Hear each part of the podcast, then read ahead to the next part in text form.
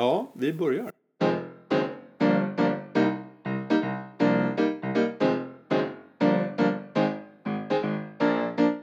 Jag måste säga, jag har ju DN på eh, fredag, lördag, söndag men inte just den här dagen där David Brooks artikel kom om felet med radikalismen.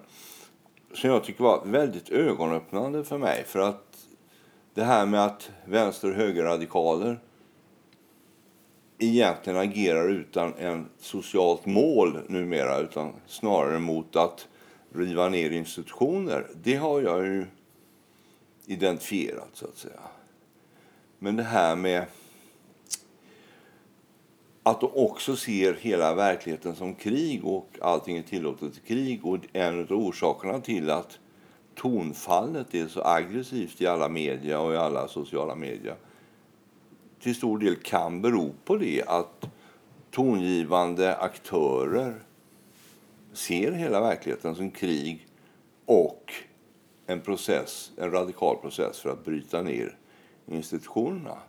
Och, och jag måste säga det att, att, det väcker väldigt mycket tankar på varför är det så här, vad kan man göra åt det? Och, och eh, finns det en form av liberal motkraft? Det, det blir en väldigt intressant frågeställning. Att man hajar till sådär när man förstår att det finns politiska krafter, eller det man tror är allmän radikalism som egentligen är ute efter en sorts förstörelse bara.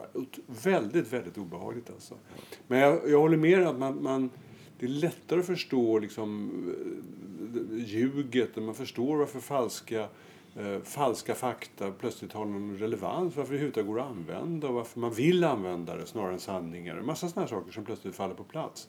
Men otroligt obehagligt. Ja. Men, men jag, jag, tänker på din fråga, var, varför uppstår det för? Alltså, jävligt konstigt. I, det här uppstår i västerlandet där, där levnadsstandarden hela tiden egentligen ökar och ökar. Där eh, överlag så inkomstskillnaderna visst inte alltid blir bättre men i alla fall något bättre kan man ju ana.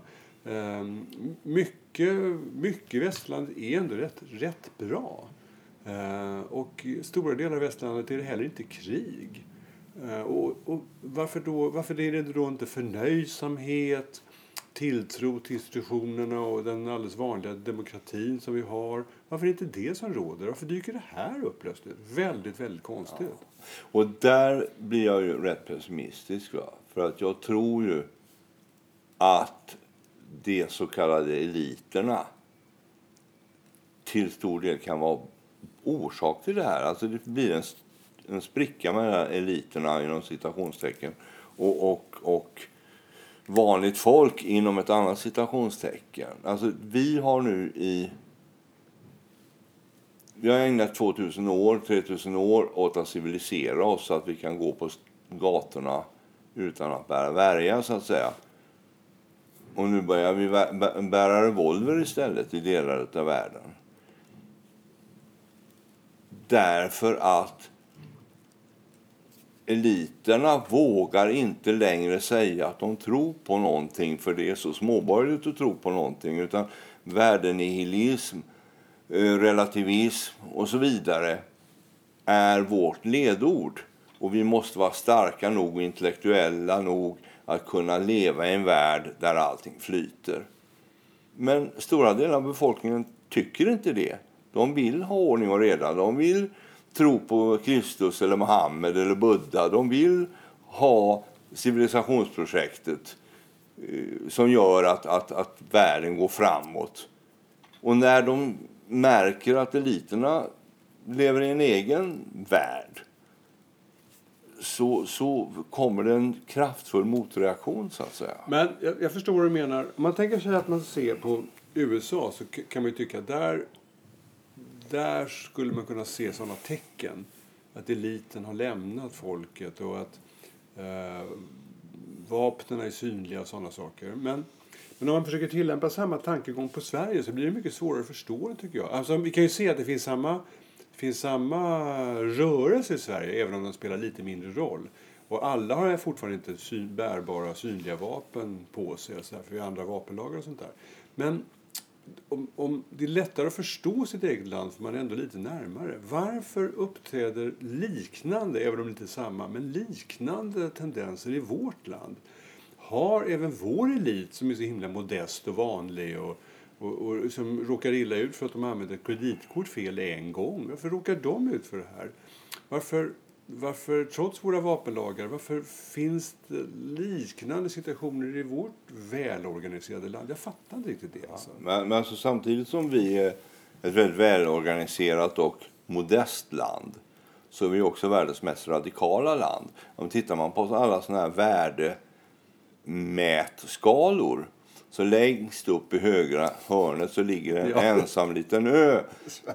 Och sen så då en kvarts eh, kvadrant eh, sydväst om den här ön så ligger en liten kluster utav Norge, Danmark och Finland. Finland ja, och, och sen kommer Storbritannien lite och så Holland. Men vi ligger ju högst upp i hörnet där, mm. alldeles ensamma. Mm. Och är extremradikala. Och vi har ju förmodligen världens mest värdenihilistiska elit. Man redan Uppsala-filosoferna och Hägerström och på 20-talet eh, började ju med detta, eh, ska vi säga, relativismtänkandet. Och hela vår 40-talslitteratur var ju relativistisk. Och vi det finns ju ingenting mer inom citationstecken fånigt i en svensk intellektuell debatt än att tro på eviga värden eller att säga att någonting är viktigt, som att ta av sig mössan eller hälsa eller något sånt där. Vi, vi arbetar ju aktivt. Alltså, att ha skoluniform är ett hot mot demokratiprojektet enligt mm. Skolöverstyrelsen. Nej, alltså, vi, vi är ju extrema. Mm, det är riktigt. Kriti att lära sig kritisera är viktigare i skolan än lära sig, lära sig själva kunskapen om det. Ja, jag hårdrar kanske, men visst är det så. Ja, men det är som min mamma sa. Läraren sa så här, apropå engelska och uh, utbildningen i Sverige. Så vidare. Det är jättebra att lära sig engelska. Man måste ju lära sig något så man har någonting att prata om också. Mm. Och det är inte vi alltid riktigt lika intresserade av i Sverige. Och det kan ju vara en orsak till att vår skola är så progressiv inom citationstecken som den är. Alltså, om vi då tänker så, kan man, ska man då våga hävda så här att liberalismen i sin mera filosofiska form, det vill säga det, det är verkligen fritt att tänka vad man vill och alla åsikter är egentligen tillåtna och bör tillåtas även om vi tycker lite illa om dem. Att den att den egentligen har gått för långt, eller att den gick för långt. Eller det är en filosofi eller en livsåskådning som, som egentligen inte fungerar för, för människor. Utan den, den, den kan möjligen hållas i slutna rum i, i extremt intellektuella eh, sällskap. Men det är inget bra för ett samhälle.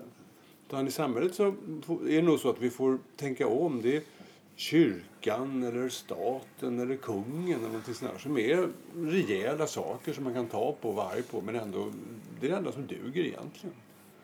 Ja, det, där är, det där är en väldigt intressant fråga. Va? Det vore ju väldigt tråkigt, nästan tragiskt om det vore så att i vår iver att överglänsa varandra i intellektuell ekviblir, ekviblerism, ja, fel blev det, eh, så, så lämnar vi samhället och institutionerna bakom oss. Så att vi driver också anarkismen och, och, och institutionernas nedrivande. Vi är en del i det radikala projektet. Vi, vi som tänker och pratar så här, vi, vi, vi har, vi har liksom lämnat det vanliga samhället och folket bakom oss. Vi sitter i, i, i fina rum på Lidingö och så pratar vi om det bara. Och därmed så har vi också börjat förstörelsen av ett, ett sammanhållet samhälle. Ja, ja. därför vi, vi, nej, men vi tycker att ja, men varför, de ska väl inte behöva mössan av sig på skollektionen. Nej, nej, och, och jackorna måste de ju ha för annars blir de stulna och så vidare. Och, och, det är klart att om vi, om vi nu tillåter oss att, att klassificera oss som en del utav, av, av en, en, en tjattrande klass så att säga. Så det ligger nog någonting att ingen vågar ta ställning i någon fråga för alla är så rädda för vad Aftonbladet eller Expressen ska skriva. Så blir det ju till slut ett samhälle utan fasta hållpunkter. Och det är klart, är vi då så här att ja, nej, inte ens Einstein visste ju vad som var sant för han trodde ju inte på, han trodde ju inte på kvantmekaniken. Jag menar, ja, då finns det ju inga sanningar och då kanske samhället måste rasa ihop. Och det vore ju extremt olyckligt Ja, det om, om, det, om det ska säga, liberala projektet leder till Trump och, och eh, Orban eh, Mm, EUs, EU läggs ner eller, eller, Ja. eller, eller tas över på. Corbyn i England Precis. och allting understött utav Putin då som precis. slänger in en vedträ på brasan då och då. Nej, alltså, jag vill inte tro att det ska kunna vara så illa. Ja, även vi liberaler måste ju kunna ta oss i kragen och säga att det finns faktiskt några eviga värden. Mänsklig, ska vi säga, etisk eh, ryggrad. Det finns friheter. Alltså yttrandefrihet och tryckfrihet och sådana saker. Men det finns också vissa lojalitetskrav på oss som medborgare. Till exempel att, att, att rycka upp oss, gå på jobbet, betala skatten och vårda våra institutioner. Ja, därför att om man, om, man skulle tänka sig att man skulle göra en sorts liberal liberal nyförnyelse eller, eller bara en samhällelig förnyelse som inte, är, inte tillhör de, de, de nya radikala på höger eller vänsterkanten så är det ändå så att det, när man, jag hör vad du säger och när jag tänker själv så är det ändå en sorts återgång måste jag ändå säga. Det, det är gamla värden. Alltså rycka upp sig sånt där som vi hånade mormor om att hon brukade säga till en. Ja, moralisk samling eller vad det hette på 70-talet. Ja, och, och, och det blir liksom gammalmodigheter som måste återuppväckas. Det där, jag, tycker att det, jag, jag håller ju med om det där. Det är klart att man ska ta av sig mössan när man går in i kyrkan och man bör, man bör faktiskt rycka upp sig. Även om det kanske ska uttryckas på ett modernt sätt. Men det ingår ju. Man säger med åt sina ungar. Klarar du inte läxorna får du väl läsa en timme till då. Värre än så är det ju inte. Eh, och så vidare och så vidare. Vi håller på så. Men, men jag tycker ändå att det finns ett dilemma i att, att att behöva återgå till de gamla värdena. Förstår du vad jag menar? Alltså att, att, ehm, att man bör själv låta som gammelmormor. Man ska rycka upp sig, man ska ta av sig mössan i kyrkan. Man, man avbryter inte folk när de pratar. Man håller upp dörren, dörren för damer om man själv är en herre. Och så lite sådana saker. Eh, Eller rätt mycket sådana saker. Och jag sådär, jag- skulle önska att man kunde klä det här i en modern dräkt på något sätt. Jo, nej, men det är ju alltid det som är risken att man blir kammarherre Dickson och moralisk upprustning. Och, och det vill man ju inte. För, för det första får man ju, man får ju ingen säg så i det offentliga rummet. Nej. Vilket ju är kontraproduktivt i sig.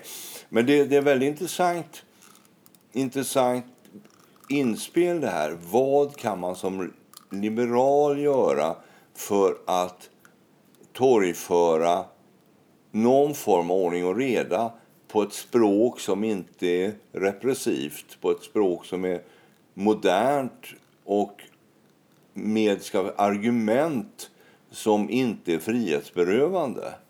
Alltså det, det måste ju gå att framföra liberala idéer med samma kraft och entusiasm som Trump kan skrika eller Corbyn kan skrika. Det, det måste ju finnas ett utrymme för ett språk och ett tänkande som är optimistiskt och framåtriktat även ur en liberal synpunkt och utan att falla tillbaka till Pinochet och Salazar, så att säga.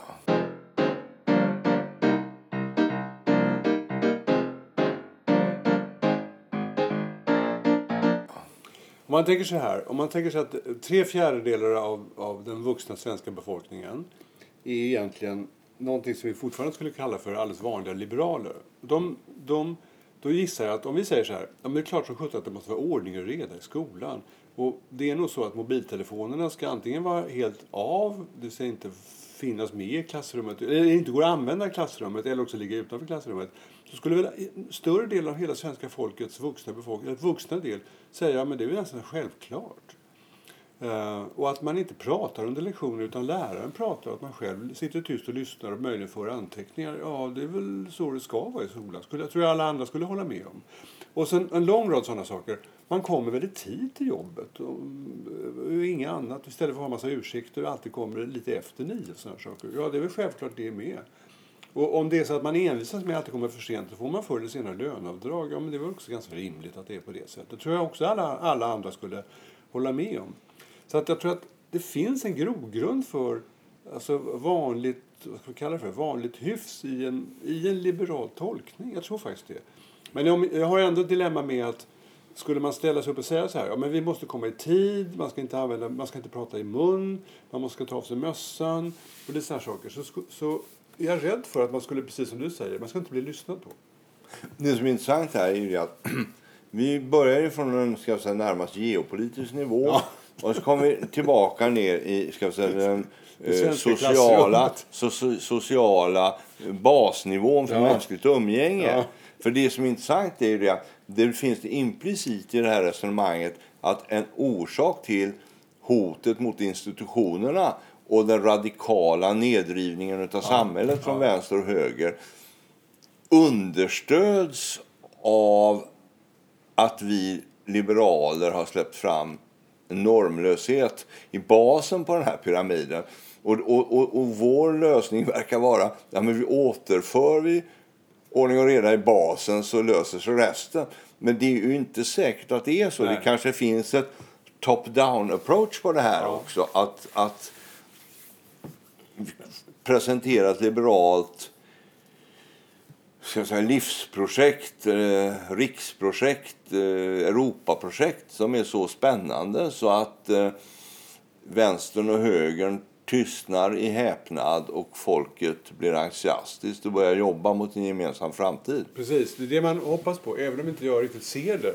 Men, för jag håller med dig, det är klart det här att ja, men ett, ett svenskt, ett folkpartistiskt Sverige som är ungefär början på 60-talet. Det, är liksom, det är ingen framtidsvision riktigt. Nej. Alltså... Vi, vi går tillbaka 55 år, då var allting väldigt bra. är inte det lagom? Nej, det är inget bra. Det är ingen bra framtidsvision. Det kommer inte locka många väljare till exempel. Nej, och dessutom var det ju, alltså om man tänker tillbaka på 40, 50-talet, 60-talet, den socialdemokratiska hegemonin, grågubbarnas tyranni som jag brukar säga. Ja, citat Alva Myrdal enligt eh, min pappa då. Eh, det finns lika många barn som måste skyddas från sina föräldrar mm. som det finns barn som har nytta av dem och därför ska samhället ta över uppfostran. Alltså, det är ju också en strömning ja. som Socialdemokraterna hade när de var som mest eh, ska vi säga, socialt ingenjörsmässiga. Mm. Det är ju inte heller någon framtidsvision man ser DDR-Sverige med en nej. ostkupa över landet. Nej, nej. nej, men det är sant alltså. Egentligen är det så att det är, det är väldigt svårt att det är svårt att hitta den där den, den, den moderna liberala politiska tolkning eller vad man ska kalla det för. Macron i Frankrike har ju, har ju banat en sorts väg men ingen vet ju riktigt var han står. Han är ju egentligen vänster, en vänsterekonom som har bildat någon sorts mittemellanregering och försöker eh, driva Frankrike och EU framåt. Och det är ju gott nog och bra och trevligt och intressant men, men det är lite oklart vad han egentligen har för åsikter. Ja, men det, det är ett väldigt intressant exempel. Va? För vad han, vad han gör, han har ju lagt hela franska nationen på analytikersoffan. Och sen har han sagt till dem det är ingen idé att ligga här längre och ha splin och mjältsjuka och längta efter uh, en recherche du temps perdu, så att säga.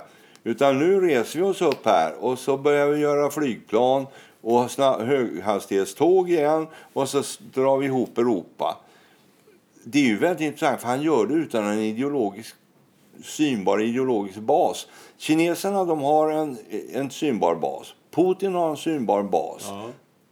Trump har en synbar brist på bas ja. som därför blir en bas. Ja, Men Macron han har ett, ett visionärt projekt utan en synbar ideologisk bas. Det är väldigt intressant. Va? För Är det möjligen så att den liberala lösningen på det här är det att man går ut och säljer de goda åsikterna med självsäkerhet och mördande reklam. Precis som radikalerna gör. Fall, mm. och att det är det Macron gör. Han har hittat... Det går inte att sälja in en bas därför att världen i Europa är för nihilistisk. Då fnissar bara alla eh, intellektuella. Så istället för att göra det så gör jag konkreta saker. och säljer glädje och entusiasm och ger fasen i att prata om det är vänster, höger, upp eller ner, socialism eller, eller liberalism. För att det experimentet då ska liksom få någon sorts eh, grund och inte bara kastas över bord, då måste ju, då måste ju Frankrike lyckas med att eh, till exempel minska arbetslösheten något. Att få sin bilindustri att bli, fungera lite bättre. Att de får deras mycket värre förorter än Sverige att vara något mindre krigiska och lite sådana saker. Men det är ju inte omöjligt. Jag menar, får de igång Får de igång en industri och företagsamhet i den världskonjunktur som nu råder så kan de ju sakta bli lite bättre. Och då är den stora frågan, när han då har kommit en bit på väg här krävs det för att detta ska bli en riktigt framgång att det institutionaliseras intellektuellt så att det sätts ihop någon form av någon form av intellektuell sammanfattning av det hela i någon form av bok. Alltså inte Mein Kampf utan eh, Mon Gloire eller vad det nu kan Men alltså hur ska man få det här projektet att få en stabil ideologisk intellektuellt bärbar grund? De franska filosoferna har ju, liksom, de har ju varit väldigt tysta. Om det, jag vet inte om det finns några kvar. Men man kan ju hoppas att Ja, Bernard Levy han skriver ju bara om Israel för tillfället. Ja. Alltså, jag följer honom i, i, både på Twitter och i, i tidningar. Men, men han, han är ju helt upptagen av Mellanöstern. Mm. Och de stora franska författarna som man läser just nu, det är såna här eh, det finns en väldigt väl, väl uh, läst dam som skriver fina vackra familjeskildringar som alltid slutar lyckligt. Hon säger mest i hela Frankrike.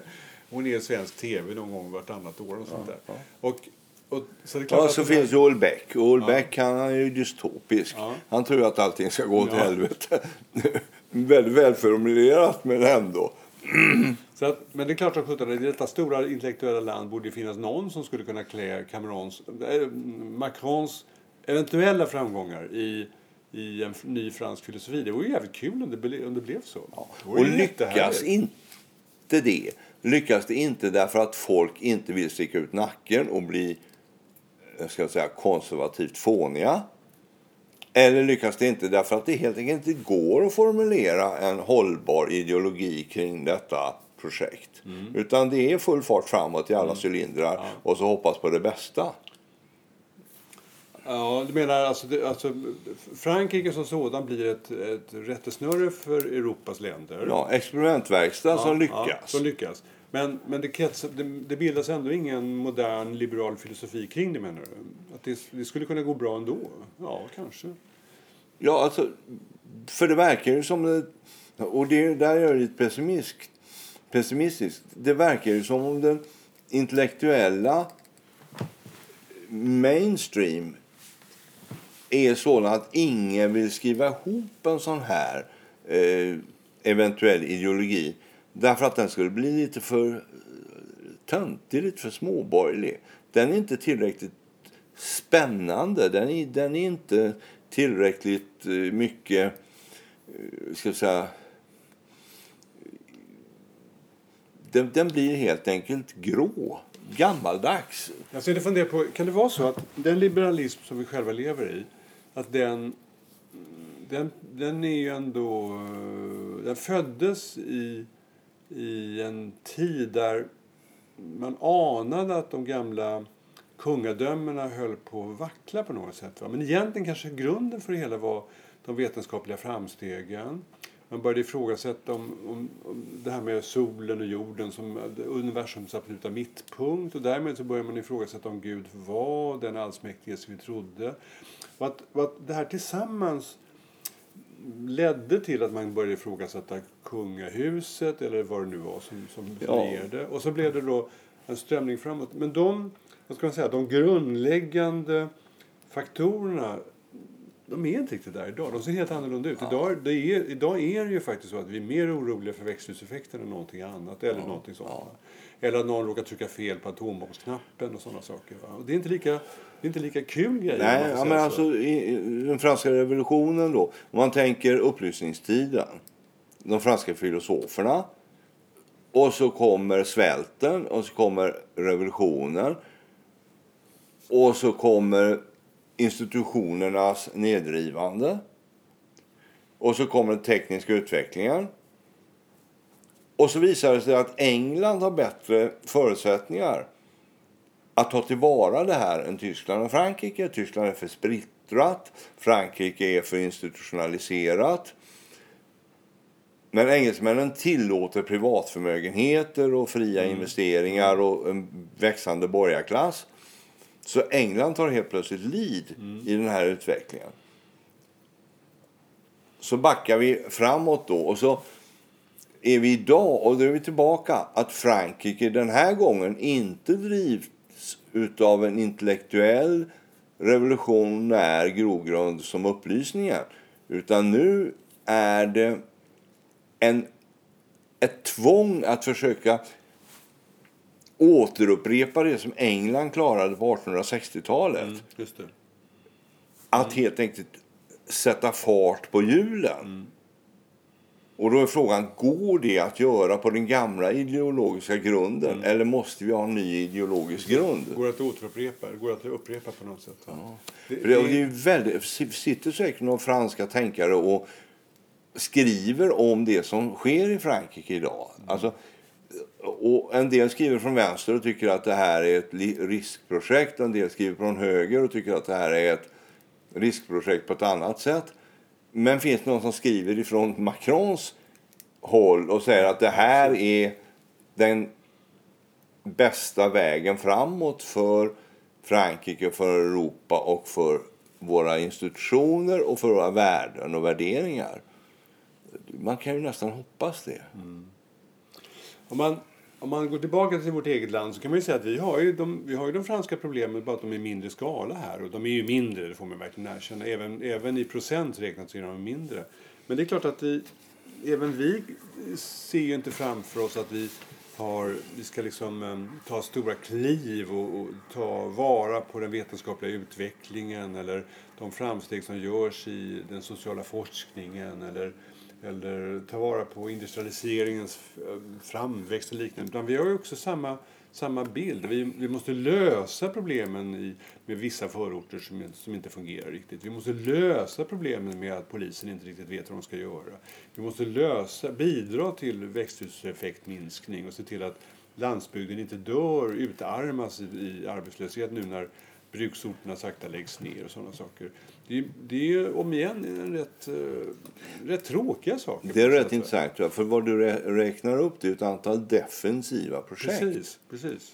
Och för att ett samhälle ska utvecklas positivt så tror jag att det behövs några offensiva ja, projekt visst. också. Verkligen. Men offensiva projekt är ju idag misstänkliggjorda från alla håll och kanter. Säger du, nej men vi måste ha bättre infrastruktur. Mm.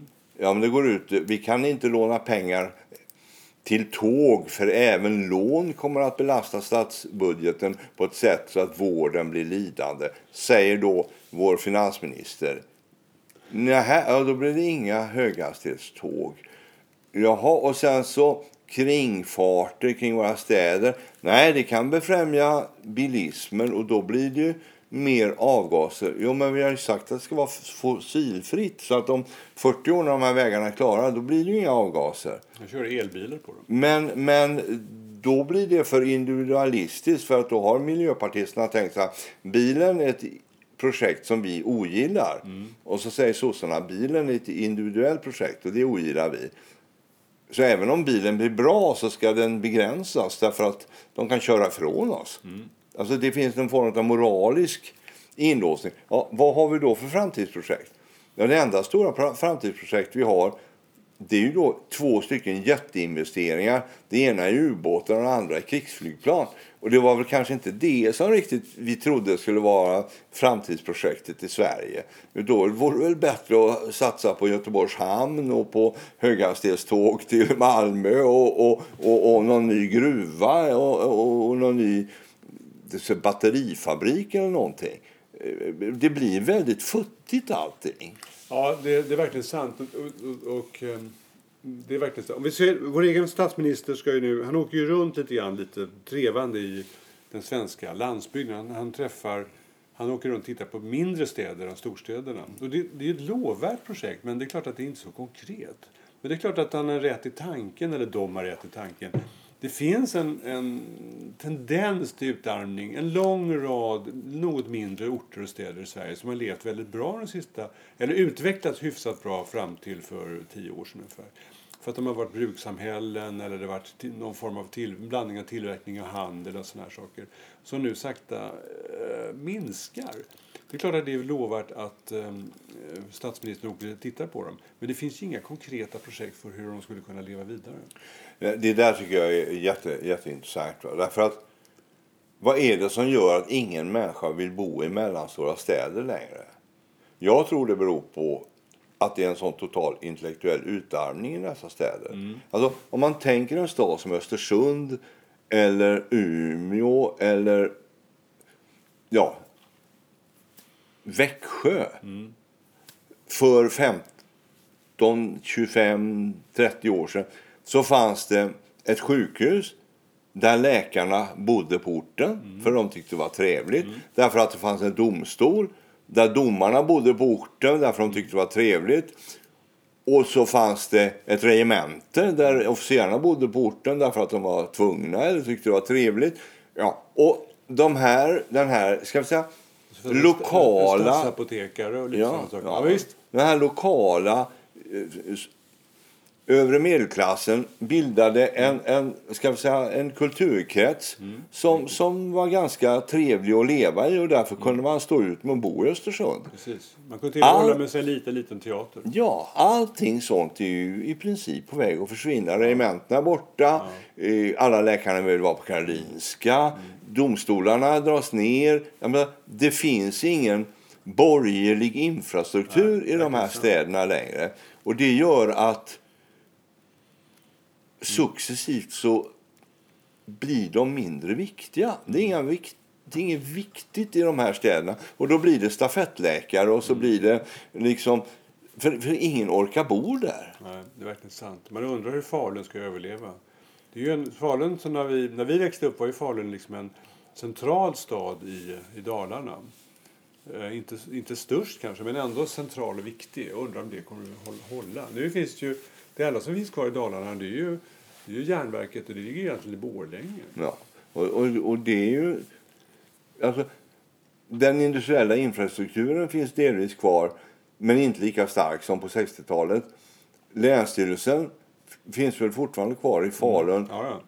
Men den finns inte kvar i Vänersborg. Mm. För där är den lagd i Göteborg. Ah, av en obegriplig anledning. Därför, och helt enkelt därför att Nej, det var inga som ville bo i Vänersborg. Och därför när man skulle göra väst, äh, Västra Götaland mm. var man tvungen att göra, lägga det i Göteborg. Och så lägger man en här låtsaskontor i, i, i Vänersborg. Men det är klart, om samhället sa så här, men hej guys. Centrum för Västra Götaland är Vänersborg. Mm. Centrum för Sydostsverige är Växjö. Centrum för Mellannorrland är Hudiksvall. Mm. Och, och så vidare. Då kan ju faktiskt samhället tvinga fram någon form av regionala uthärdliga orter. Mm. Kanske Hudiksvall skulle ersättas med Sundsvall. Äh, men, men du förstår vad jag menar. va? Men det finns inga som helst sådana politiska ambitioner. Och jämför man med Norge, där finns ju ljus över hela landet när man flyger på kvällen. I Sverige finns det bara lite spridda ljus längs floddalarna. I övrigt är det mörker. Men om vi då Egentligen talar vi om um, samhällets värde. Men jag, jag, jag, tror att det hänger ihop på något sätt. Va? om de här städerna som vi pratar om, om de var livaktiga och attraktioner. Det vill säga man, eh, man är ung och så, så försöker man hitta någonstans att bo i den stad man har växt upp i eller i grannstan. Det är klart som sjutton att jag gissar att det här som vi hoppas på, det vill säga det, det vanliga liberala samhället, att det har liksom en, eh, en sorts stabilitet eller en grund eller en motståndskraft mot mot radikalism, det, det stämmer nog. Därför att om man, tänk, om man vänder på det, om i samma städer bor människor som säger så här, varför ska jag bo här? Eller, var ska jag jobba någonstans? Eller, det här är inget kul, eller det händer inget alls, och det är väldigt stängt och så här. Det är klart att de är väldigt, de är nästan offer för konstiga åsikter. Kan man ju, kan man ju våga med gissa i alla fall. Ja, och sen så är det ju klart att om samhället, om det finns en polispatrull mellan Östersund och Kiruna. Alltså det är liksom 80-90 mil. Och det är tre polispatruller som är, men de kan ju inte jobba dygnet runt alla tre. Så det är en som är tillgänglig per tidsenhet då. Det är klart att människor som bor där i Vilhelmina och Dorotea och så vidare undrar, men, men hallå, eh, vad fan får vi för pengar för att göra, citera en känd direktör? Det är klart att de undrar och det är klart att de känner sig lämnade vid vägkanten Ja, av, av samhället. Och då finns det naturligtvis, som du säger, en grogrund för Trumps tänkande. precis. och Trump har ju lurat hela amerikanska befolkningen. Visst. Jag tänker på er småfolk. Och sen gör han den här skattereformen som gick igenom i morse. Som egentligen tar ännu mer pengar från de stackarna som släpar ihop pengarna och ger till sig själv och sina kompisar. Alltså till och med en högerliberal, eller jag är väl socialliberal mest, men i alla fall lite mer höger än vänster så att säga kan ju bli chockerad över detta. Alltså, eh, min, min svenska eh, egalitära uppfostran skriker Ja, emot detta. Men jag skulle faktiskt vilja dra vidare i en, i en annan tråd just nu. Och då är frågan, ska vi stänga av apparaten eller ska vi börja om? Nej, inte börja om, men börja med en annan tråd eh, i nytt avsnitt. Nu är vi, uppe, vi i 35 minuter. Ja, bra. Vi gör så.